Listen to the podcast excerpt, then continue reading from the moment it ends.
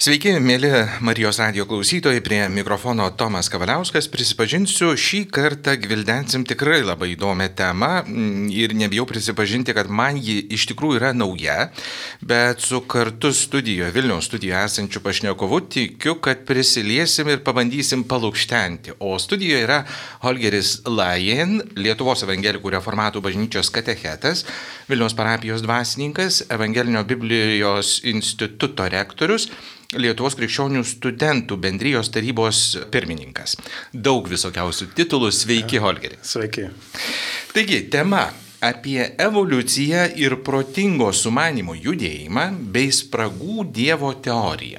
Na, skamba neįtikėtinai. Aš kai perskaičiau kvietimą m, mm, pakalbinti jūs, iš tikrųjų susimašiau, apie kągi tai yra protingo sumanimo judėjimas ir spragų Dievas. Jeigu klausytom pristatytume tai paprastai, apie ką mes šiandien kalbėsim?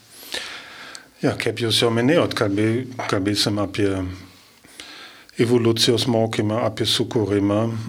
Ir protingas sumanimas, angliškai intelligent design, yra toks um, savotiškas konkurentas, um, paaiškinti tos e, fenomenus, e, kuriuos bando paaiškinti Darvino evoliucijos mokymas. Ir e, krikščionims, manau, visos tos temos yra svarbios, ne, kaip Dievas yra, kaip jis veikia, ar jo, galim jo veikimo pėdsakus atrasti pasaulyje arba mūsų gyvybės istorijoje.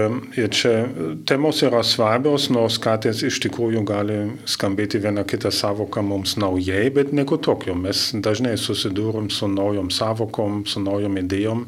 Ta prasme, tai gerai, kad gal vienam kitam metą tos savokos iššūkiai. Nors be abejo evoliucija, tas žodis visiems mokinams žinomas, ir dėl to gerai gal iš šiek tiek kitokios perspektyvos viską žiūrėti negu įprastai.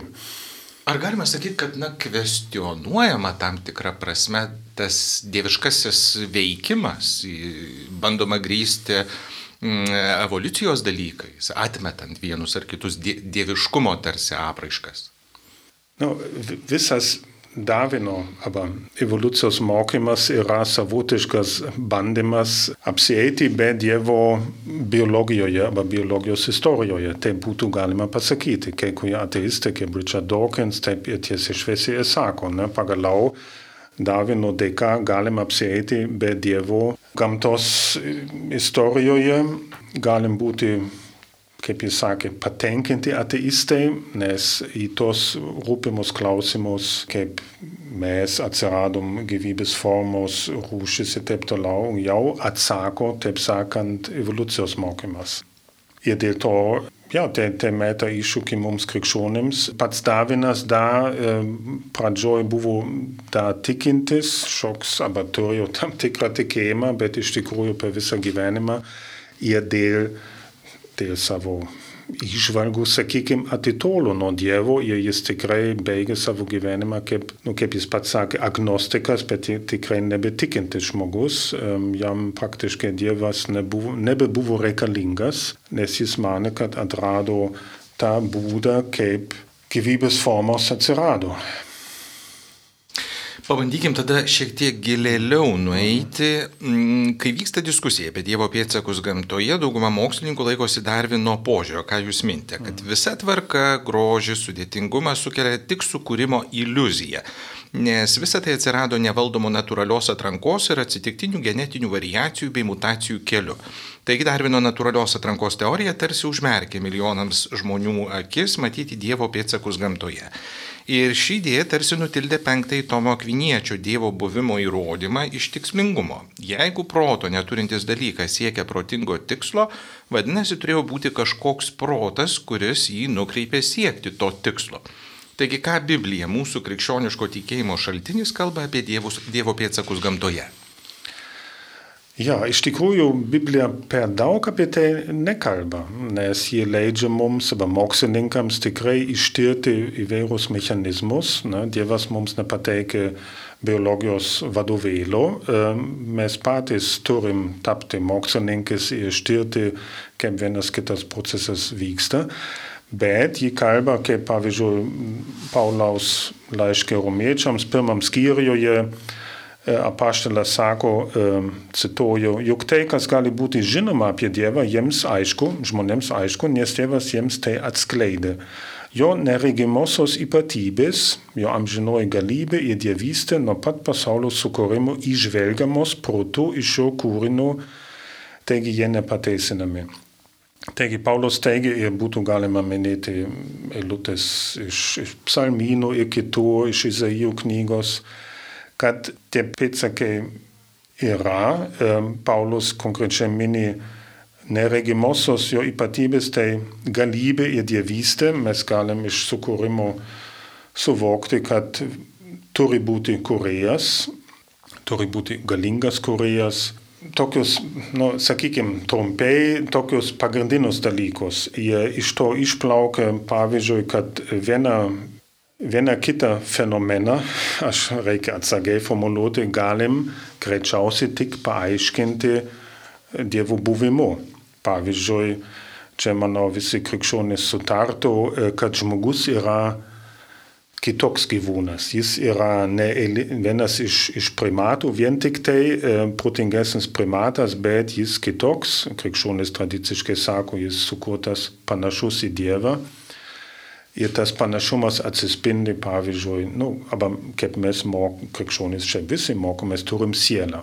Na, pagal evoliucijos mokymą būtų sunku paaiškinti, kuo tokie, na, toks keistas dalykas kaip nemirtingoji siela, iš kur ji galėtų atsirasti. Nu, čia net ir teisinės evoliucijos šalininkai teiktų, kad, nu, taip, čia iš tikrųjų ten Dievas paliko savo pėdsakus ten.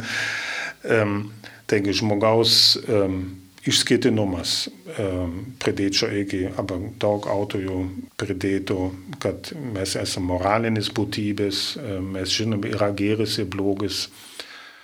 Pridėčiau irgi, kaip mes komunikuojam, nes nors gyvūnai irgi vienaip ar kitaip komunikuoja, bet mes kalbam, kaip mes dabar čia sėdėm apie dalykus, reflektuojam, analizuojam, diskutuojam, gyvūnai to nemoka. Čia irgi, manau, yra nuoroda į į Dievo buvimą, kuris taip pat yra bendraujantis, komunikuojanti, bendraujanti būtybė. Tai žmogus yra, jo buvimas apreiškia Dievą tam tikrą prasme, nes būtent Paulus naudoja tą žodį, sukurtas pasaulis, arba Dievas tam sukurtam pasaulyje apreiškia savo buvimą, kad jis yra. Ir tai daro per žmogaus fenomenas, moralės fenomenas, kalbos fenomenas, bet ir to protingo sumanimo atstovė mano, kad pavyzdžiui gyvybės atsiradimas, lastelės struktūra ir kiti dalykai, Kambro sprogimas, ten, kad daug rūšių atsirado prieš 500 milijonų metų ir tokie dalykai yra nuorodos į Dievą, į tam tikrą protą, mažų mažiausiai. Tai tarsi buvusi kažkokia kibirkštis, nepaaiškinama ir labiau priskiriama, na, kažkokiai aukštesnį jėgai. Taip, um, aišku, su tom savokom um, yra sudėtinga. Mes, mes pavyzdžiui, mes ne, nežinom, aber kokį mechanizmą Dievas naudojo, sakykime, sukurti pirmą gyvybės formą. No, čia kibirkštis tai tik metafora, kad mes nelabai tai. žinom ir gal ir visai nesužinosim. Būtent ir čia dėl to viskas yra gan sudėtinga, nes pavyzdžiui, kai Biblija kalba apie arba sukūrimo istoriją, kad žmogus na, pradžios knygos pirmosios skyriuose buvo nulipdytas iš molo, mes tiksliai nežinom, ar Dievas mums nori papasakoti, kad tai tiksliai yra tas mechanizmas, kaip jis sukūrė, ar čia labiau yra poetinė kalba.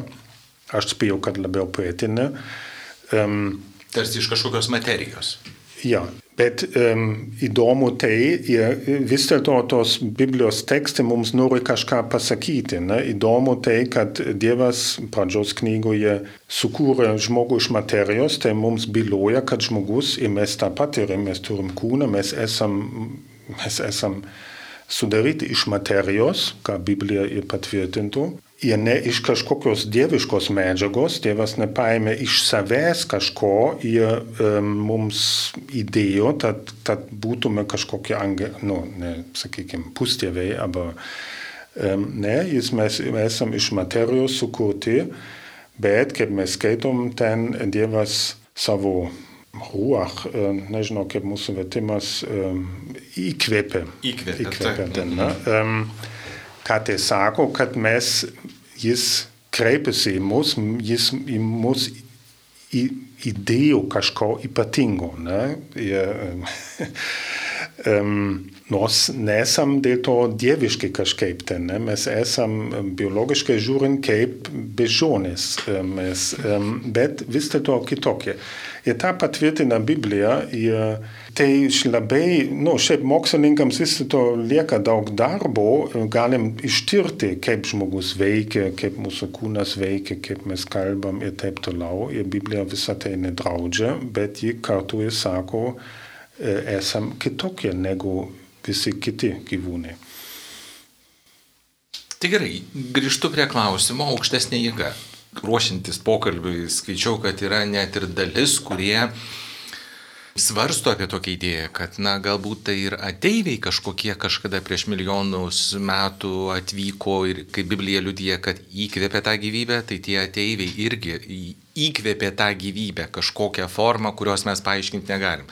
Tai dar vieni teoretikai, kurie kalba apie kažkokį nežemišką dalyką, bet kol kas nepaaiškinama mokslu.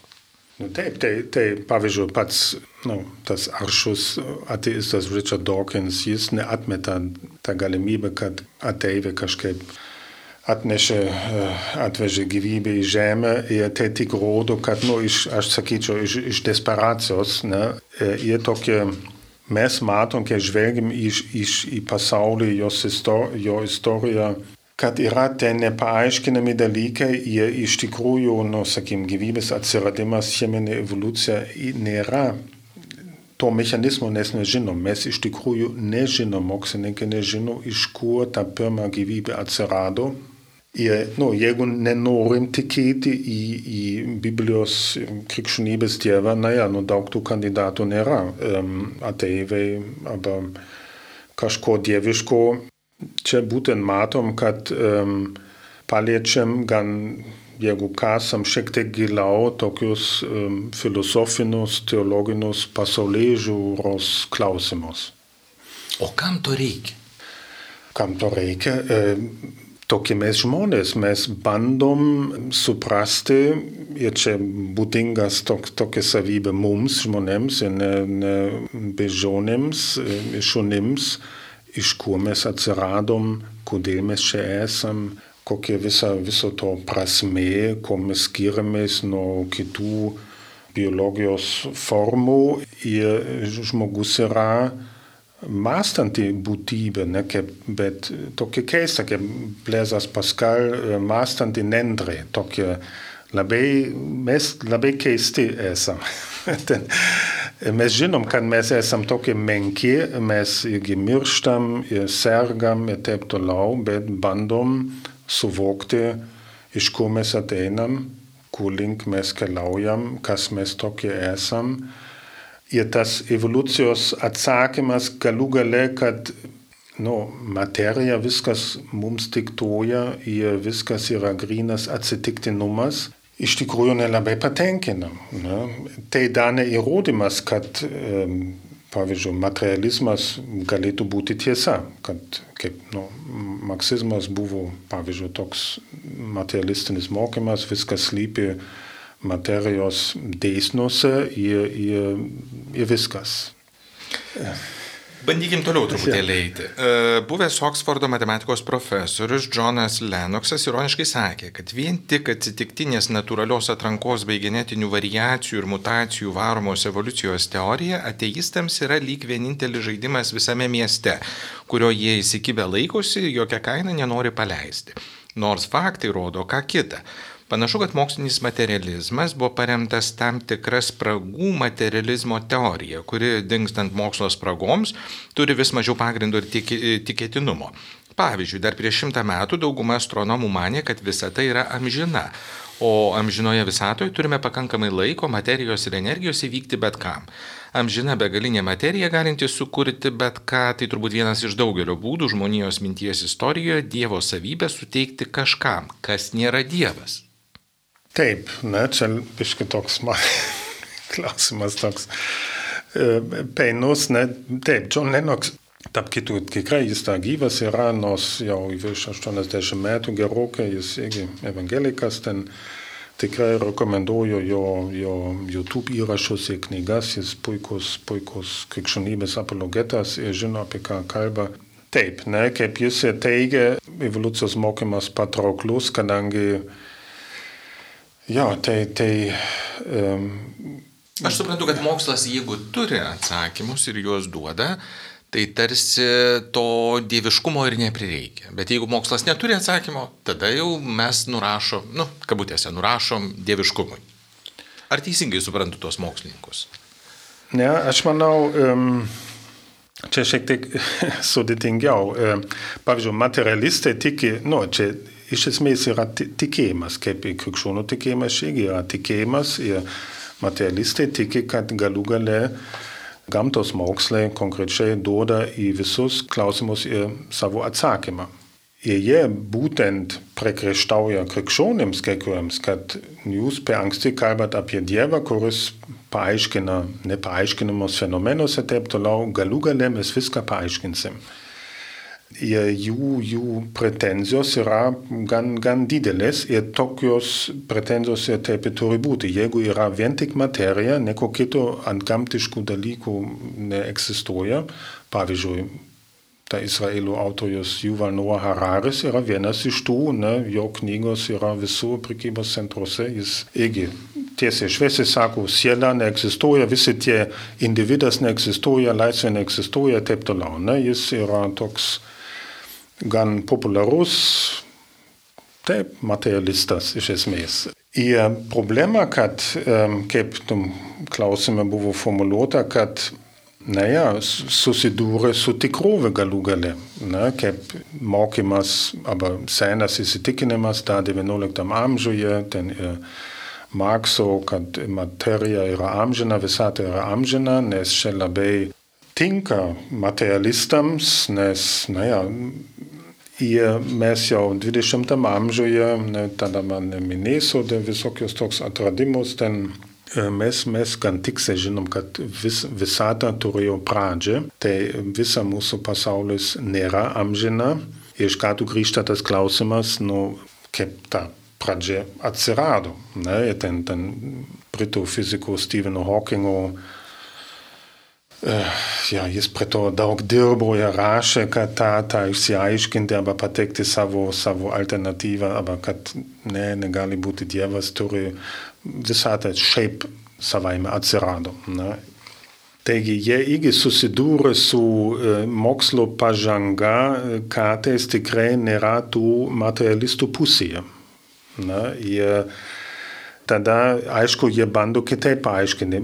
Iš tikrųjų, be abejo, tarp visų įvairiausių pasaulyje žiūrų religijų e, atstovų vyksta grumtynės. Ne? Naujas atsiradimas, tam tikra pažanga vyksta ir tada bandom pagrysti. Nu, pagrysti um, Ir iš tikrųjų Davino mokymas metė labai rimtą iššūkį krikščionėms. Jau XIX amžiuje buvo suprastas, nu, jeigu tai yra tiesa, kodėl žmogus tada yra vis dėlto ypatingas toks gyvūnas. Ne, iš karto gan greitai buvo tos, tos karikatūros, kad ne, žmogus viso labo tik, tik bežonė tik, e, ir taip toliau. Tai metė, metė vis tą iššūkį krikščionėms, um, bet ir kiti mokslo rezultatai, kaip dėl pasaulio trukmė nuo istorijos, arba dėl, dėl gyvybės atsiradimo irgi meta iššūkį aniems. Arba ten iš protingo sukūrimo mokymo atstovas Stephen Meyer, kuris savo pirmą knygą rašė angliškai Signature in the Cell, parašas lastelėje, kur knygoje jis išdėstė, kad patį lastelės struktūra byloja apie tai, kad ji tokio evoliucijos būdu negalėjo atsirasti. Ir tai jau rodo, kad nu, ir tos pats Darvinas dar beveik nieko nežinojo apie, apie ląstelę, struktūrą ir taip toliau. Mokslas padarė pažangą ir mes matėm, darant tos, tą, tą pažangą, kad ups, ten slypi problema evoliucijos mokymui. Įprastas evoliucijos darvinistinis mokymas negali paaiškinti vieną kitą fenomeną. Ir stop. Ne, stop. Mokslininkas turi uh, toliau tirti ir tirti, bet tas um, tolimesni tyrimai nebūtinai reiškia, kad Dievas vis, vis labiau išstumiamas iš pasaulio, tarsi Dievas nebereikalingas, gali būti, kad vis labiau tyrimai vis labiau išryškina tam tikrą paslaptį. Pavyzdžiui, nu, manau, ir antropologijoje studijuojant žmogų, Nėra taip, kad mes per 20 amžių, pavyzdžiui, būtum nustatę, na, vis dėlto mes viską jau suprantam, kad žmogus yra viso labo tik protinga šimpanzė. Labiau yra atvirkščiai, mes viską jau suprantam, ko mes skiriamės. Vėlgi, ateistai, evoliucijos šalininkai bando įvairiais būdais moralės fenomeną paaiškinti evoliuciškai ir, ir tos minėtos jau fenomenus. Bet perskaičiau irgi ten vieną kitą knygą, nu, galų gale nelabai įtikina.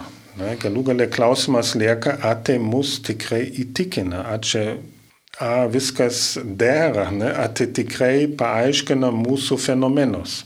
Ir natūralu yra daugiau atvirų klausimų, nei yra atsakymų į juos. Taip, kai kur atsiranda, nu, čia mokslo eiga. Mes sprendžiam vieną kitą klausimą, mes darom pažangą, atsiranda nauji klausimai. Arba kai, naujos teorijos. Naujos teorijos, arba kai kurios spragos gilėja. Buvo, ja, visatos atsiradimas, buvo daug tų bandymų, naja, vis dėlto išvengti to dievo, bet, bet kol kas, minėjau Stephen Hawking, kuris Jo, plačiai apie rašė, tos knygos yra kelios išvestos į lietuvių kalbą, ne, bet, bet manau, ne, nepavyko jam. Mėlyje Marijos radio klausytojai, kalbame su Holgeriu Lajenu apie evoliuciją, protingo sumanimo judėjimą bei spragų Dievo teoriją. Taigi dabar palieskime. Richardas Dawkinsas savo knygoje Dievo iliuzija kaltina krikščionis tikint į spragų Dievą. Kai mokslas užtaiso spragas, neva Dievui lieka vis mažiau vietos. Gal galėtumėt plačiau truputėlį papasakoti apie tą Dokinso kritiką, ar ji pagrįsta ir kad Dievas tik užpildo spragas? Ja, nu, aišku, jis Dokinsas, jis, jis kovingas ateistas, jis um, pateikė savo, savo matymą. Um, be abejo, jie iš tikrųjų, be abejo, yra krikščionys, kurie taip būtent ir elgesį, atrandame tokią, na, mums nepaaiškinamą fenomeną, jie iš karto teigiam, Dievas tiesiog įsikišo. Iš tikrųjų, tą kritiką kartais krikščionis turi išgirsti, mes krikščionis kartais per anksti kalbam apie stebuklus, nors gal reikėtų šiek tiek įsigilinti ir mes matytume, naja, iš tikrųjų stebuklas Sauraja prasme taip nėra.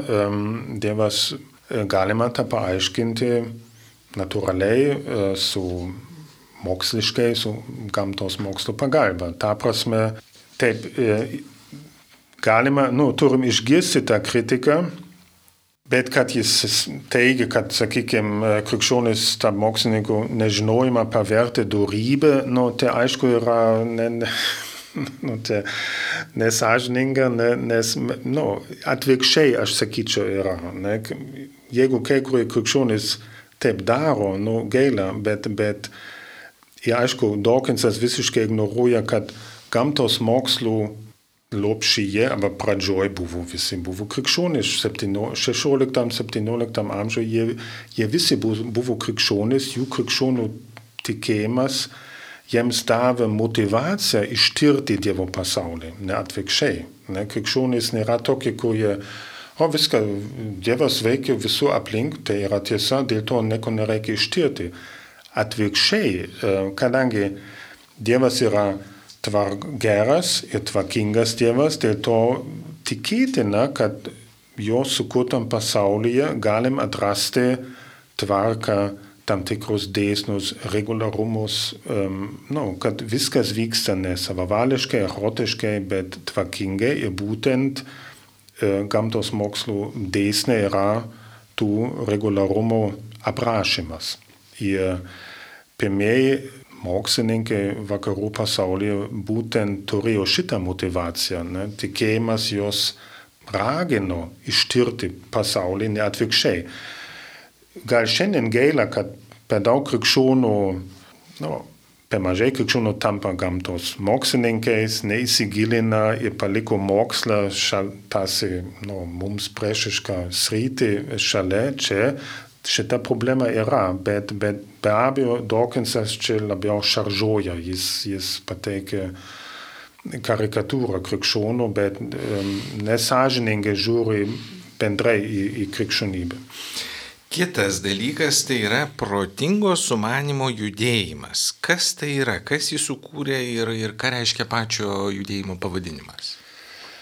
Ja, tas uh, judėjimas netoks senas, gal pradžia prieš 35 metus Amerikoje, čia kai kurių mokslininkų, aš manau dauguma biologų buvo judėjimas, jie būtent, kaip jau minėjau, jie, jie atrado, aber savo darbe, lyginant su evoliucijos mokymu, tas problemas, jie, jie suprato, kad kai kurie fenomenai nurodo į protingą sumanytoją. Ne, kaip jau minėjau, ten lastelės struktūra. Ja, tie mokslininkai nu, atsirado Amerikoje, bet yra ir Vokietijoje kai kurie. Um, galim vieną kitą pavardę minėti, nu, uh, Michael Behe, William Dembski, Stephen Meyer, Philip Johnson, Vokietijoje Reinhard Juncker. Jų tikslas yra, sakykime, ribotas, jie nepateikia pilna evoliucijos mokymo kritika, jų fokusas yra sauresnis. Pažiūrėkim į tos biologijos fenomenus ir ką mes ten aptinkam. Jie yra įsitikinę, ten aptinkam, pavyzdžiui, jų savoka nesupaprastinamas sudėtingas sistemas. Pavyzdžiui, lastelėje arba kiti. Ir būtent tos sistemos nurodo į sumanytoją, a designerį, dėl to angliškai intelligent design, yra fenomenas, kuris byloja, nu, už to slypi tam tikras protas. Planuotojas, tai gali būti Dievas, bet jie apie tą, kas tas sumanytojas. Jo, ne? Manau, Stephen Meyer, kai kurie yra tikrai krikščionys, pavyzdžiui, bet vienas JAV um, matematikas, David Berlinski, jis yra agnostikas, jis tikrai netikintis, žydas, David Berlinski. Irgi, man, manau, galime jį priskirti šitam judėjimui, jis labai kruopščiai, lab, no, ne iš biologų pusės analizuoja darvinizmą ir, ir nustatė, yra labai didelės problemos. Bet jis nėra tikintis, tikrai ne. Ir tos uh, intelligent design uh, atstovai gali būti agnostikai, nes aptikti tam tikrą problemą, aber suprasti, nu, už to turi slypėti tam tikras dizaineris, tai dar nereiškia, kad žmogus asmeniškai tiki į Dievą, kad jis tikrai yra ir taip toliau. Na, um, tokius žmonės vadintume kartais agnostikais, kurie pavyzdžiui, nu, asmeniškai tiesiog dar neapsisprendė, jie, jie mato gal kitas krikščionybės problemas ir taip toliau. Tai jūsų klausant, aš, aš galbūt tokią labai primityvę išvadą darau, kad nu tarsi tas kuriejas kažkas, jis protingas, bet nebūtinai Dievas. Ir va, kažkokiu momentu sugalvojo sukurti ir sukūrė tą lastelę, kuri po to dauginosi ir įsidaugino tiek, kad vat, atsirado žmogus ant žemės. Ja, tas kažkas, aišku, čia atsiranda e, tokia terpė krikščionims apie savo tikėjimą kalbėti. Mes greitai turėtum apie šventąją raštą kalbėti, jį būtent atsako į tos klausimus. Na, tas protingas, ta protinga būtybė, nu, prasminga, ją vadinti Dievu.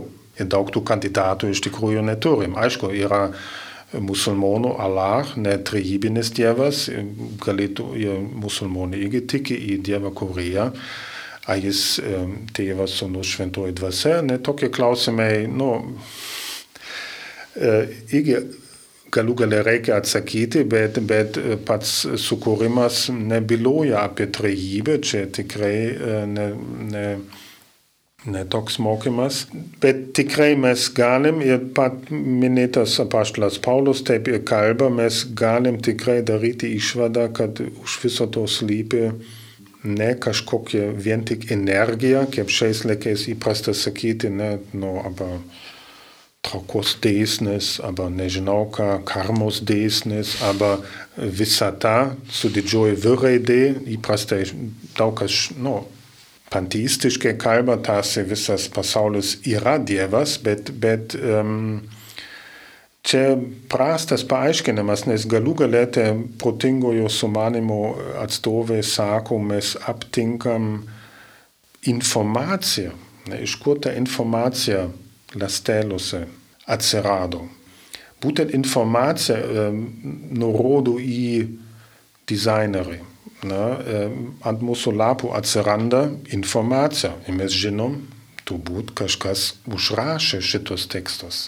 Mūsų informuoti gali tik, naja, ne energija, energija tiesiog teka, ji tiesiog yra.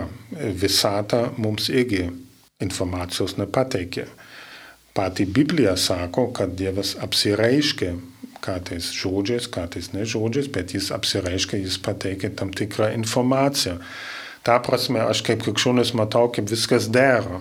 Na, pats sukūrimas byloja apie, turi tą, tą informaciją ir, ir mūsų apraškimų šaltinis užrašytas, Biblija mums sako, žiūrėkit, tas informacijos sumanytojas, yra tas tėvas kuriejas, į kurį mes tikime. Bet lygiai taip pat tarp visų šitų teorijų sklando ir tokia mintis, kad Biblija yra tik mitų rinkinys, nepagristas jokiais faktais. Nu taip, čia e, turi iššūkis krikščionims, vadinasi, nu, tas taptotinis žodis apologetika, mes turim apginti savo tikėjimą, mes turim pagrysti gerais argumentais šiais laikais, kurie tai nėra mitų rinkinys. Aišku, čia atskira didelė tema, ten iš literatūros pusės galima žiūrėti, ne, ten krikščionybės apologetas C.S. Lewisas apie tai rašo, ar čia Biblija atrodo kaip mitų rinkinys, ar ne. Ir tada galim lyginti su kitais mitais, kurie yra. Ir matytum aiškus skirtumus, um, labai aiškus skirtumus. Um, Aišku, ateistas yra linkęs greičiausiai nurašyti, nu, čia tik, vien tik mitai, pasakos, legendos ir taip toliau. Ir dėja, kartais netgi iki, iki vadovėlių tokia kalba įeina, keista tokiam katalikiškam krašte, kad um, taip atsitinka. Um, bet, ja, tą reikia aišku, šiais laikais, kai daug žmonių nebetiki į Dievą, reikia krikščionims dirbti prie tos fronto linijos ir kantrai iš meilės žmonėms paaiškinti, siekti nu, įtikinti žmonės, kad tai nėra legendos, istoriškai pagrysta ir taip toliau, ir apie literatūrą reikia šnekėti. Ir, ir čia ilgas ir sudėtingas darbas, aš, nu, kiekvienas ir teologas, ir dvasininkai prie to turi prisidėti, rašyti straipsnius, ir, ir, nes nu, šiais laikais reikia įtikinti žmonės. Pagrysti galų gale. Taip. Mhm. Dar vieną aspektą spėsim paliesti - teistinė evoliucija ir jos atstovai protingo sumanimo teorija vadina spragų Dievo teorijos pasikartojimu. Aš suprantu, kad, na, įvairūs mokslininkai bando atrasti tuos atsakymus, bet, sakykime, tos, tos tokios, na, e, atskiri judėjimai, jie bet kokiu atveju mm, persipinė yra vienom ar kit, vien, vienais ar kitais aspektais. Na, nėra tokio vieno gryno, nebent tik ateistai, kurie jau ten kategoriškai, o visi kiti. Tai iš tikrųjų požiūriai į tą pačią evoliuciją jie yra ir skirtingi, ir tuo pačiu labai panašus. Jo, skirtingi yra, nes tikrai nu, požiūris į evoliuciją ir taip toliau, ačiū Dievui, tai nėra pirminis klausimas krikščionims, aš turiu nemažai draugų, kurie turbūt sakytų, evoliucijos mokymas iš esmės yra teisingas, mano brolis ir kiti ten.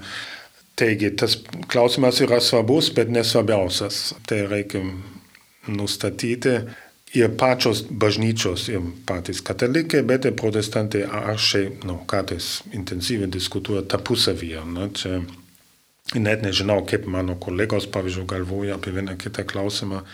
Bet vis dėlto, aišku, tai svarbu, dėl to ir nu, mūsų laida mes raginam įsigilinti. Net, Tiesiog domėtis, galų gale. Domėtis, aišku, manyčiau, kad teistinė evoliucija yra tok, man per, asmeniškai per paprastas sprendimas, tai tarsi Dievas nu, sukūrė, bet paskui paleido visą tą, tą gyvybės atsiradimą, nu, paleido ir, ir viskas vyko evoliucijos uh, būdu. Su tai susiję daug tų problemų, aš manyčiau, kaip Dievas paskui, kaip jis kontroliavo visą tą procesą, nes pats evoliucijos mokymas Davinu apsieina visai be Dievo. Ir teistinis tai reiškia, nu, dieviškas dieviška evoliucija, kad Dievas vis dėlto kažkaip veikia. No, tai, jie, tai atstovai sakytų, uh, Dievas kontroliuoja tą, tą visą evoliucijos um, raidą, procesą. Procesą. Mm. Galima taip teikti, tam, čia ne, ne, ne, ne, ne absurdiška mintis, be abejo, bet kokiu būdu jis taip daro, kaip galų gale pradžioje ir pabaigoje yra daug tų problemų. Pavyzdžiui, kaip, kodėl vis dėlto žmogus yra toks išskirtinis. Nu, tada ir, manau, net ir Francis Collins, kuris vienas iš tų krikščionių ir jo knyga Dievo kalba irgi Lietuvoje pasirodė, tada ir žmogaus atsiradimo procese Dievas kažkaip įsikišti tiesiogiai, nu, suteikti nemirtingą sielą ir taip toliau. Taigi galų gale Dievas grįžta. Ir, ja, man tas būdas yra per, per paprastas atiduoti visa, viskas um, evoliucijos mokymui ir, ir jo lab, kad pats Darvinas su tuo, ką žinai, jis būtų sutikęs. Um, taigi, sprendimas man per paprastas ir manau, darvinizmas turi iš tikrųjų daug problemų. Jūsų klausant, tai iš tikrųjų kyla tų klausimų labai daug ir tikiu, kad mes galėtume dar vieną laidą apie tai kalbėti, bet jeigu pabaigai, mm, ko gero kiekviena teorija turi savo iššūkių, savo palaikytojų, bet e, galbūt tuo ir yra žavu, kad protinga būtybė žmogus ieško atsakymą. Nu kągi jis veikia ant šitos žemės, kaip iš čia atsirado uh, Ir jeigu žmonės apie tai diskutuoja, o galbūt mes ir kažkurį vieną ar kitą Marijos radio klausytoją sužadinsim domėtis tuo, manau, mes savo tikslą būsim pasiekę. Tai jeigu kalbant apie tas teorijas, aš suprantu, kad kiekviena turi savo šalininkų, kiekviena turi savo tokį, na, pagrindimą vienokį ar kitokį, bet joms pagrindas čia šiandien kalbėti, nu, priklauso tik nuo kiekvieno mokslininko.